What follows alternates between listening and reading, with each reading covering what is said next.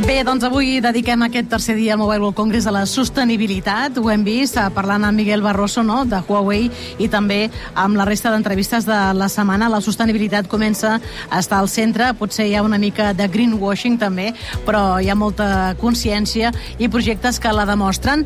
Marta, a banda de ser aquí a, a Huawei, abans estàs tots els matins, hem estat voltant i buscant més informacions i, i has trobat doncs, eh, també altres solucions, no? Exacte, sí, he trobat eh, moltes solucions que tenen a veure amb la sostenibilitat i si et sembla te'n destacaré dues. Una, que és una empresa francesa que es dedica al recondicionament de telèfons mòbils. Es diuen Smart, amb 3 As, i cada any donen una segona vida a més de 100.000 dispositius a partir d'un procés industrial a fàbriques que estan a prop de Montpellier i oferint dos anys de garantia, o sigui que, que, que, que, que està tot super, amb molta traçabilitat. I un dels principals objectius, el mediambiental, és claríssim. Així ens ho ha explicat Jacqueline Pistolet, country manager Spain de Smart. Se tiene que saber que 80% del impacto de un teléfono reacondicionado está debido a su fabricación. Así que si podemos darle una o dos o tres vidas más, pues es todo lo que ahorramos para el medio ambiente. Por ejemplo, con un teléfono reacondicionado, eh, si, si, compras un teléfono reacondicionado a, en vez de un móvil nuevo, pues ahorras 51 kilos de CO2, 150 kilos de materia prima, lo que es enorme para un producto que solo pesa 200 gramos. Asseguren que els consumidors cada vegada creiem més en aquesta opció. Mentre el mercat de telefonia mòbil ha caigut al voltant d'un 9%, el dels dispositius de segona mà ha crescut un 10%. I segons Pistolet, els motius són diversos. Primero, porque con el COVID ha habido muchos problemas de disponibilidad de productos nuevos.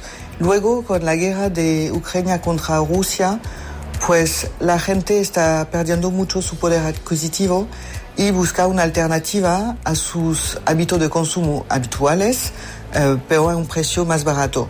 Y luego, pues nos damos cuenta que tenemos que hacer algo para el medio ambiente, porque según nuestra encuesta del eh, octubre de 2022, 66% de los españoles sitúan la contribución medioambiental como una de las tres principales razones de compra de un móvil reacondicionado.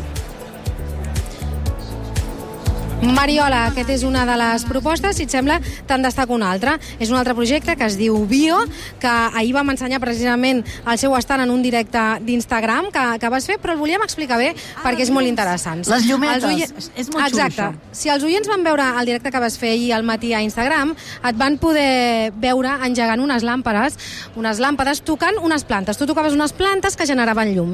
I el que es proposa a aquesta empresa és agafar energia de la naturalesa. M'explico.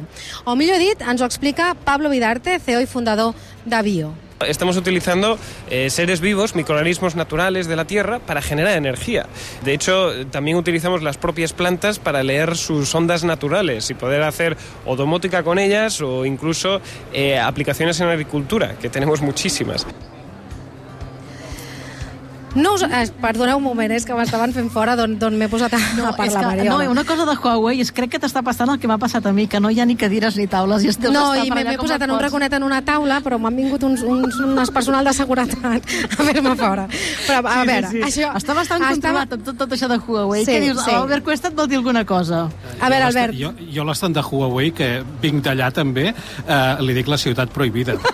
Perquè Bueno, no, no, és que està molt controlat l'accés i el que fas allà dins ja sempre hi ha 4, 40 ulls mirant. Et fan fer Crec que està més controlat no? el que fas Sí, a sí. dins que, que a l'entrada. Sí, sí, sí, sí, tot és supercontrol. No, escolta, això... Primer has parlat de Smart amb tres As, ara és Bio amb dos Os. Amb no? dos os, sí, aquí no, també no és que hauríem d'haver t'estiguis preguntat encallant. Eh? Coses dir- així, no, no, és Smart amb 3 As, Bio amb 2 Os.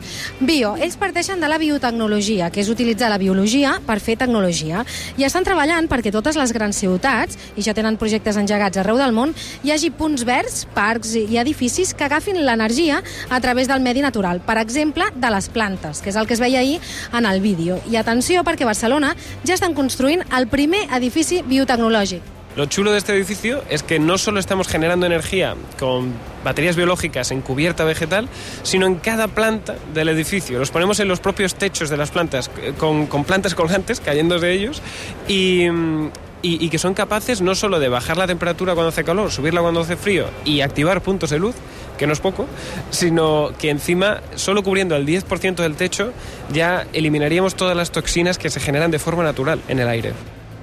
A més, el sistema que ells proposen és compatible amb la resta de tecnologies existents, com les plaques solars, per exemple, o altres energies que eh, consumim dia a dia. Així que asseguren que estem davant tota una revolució.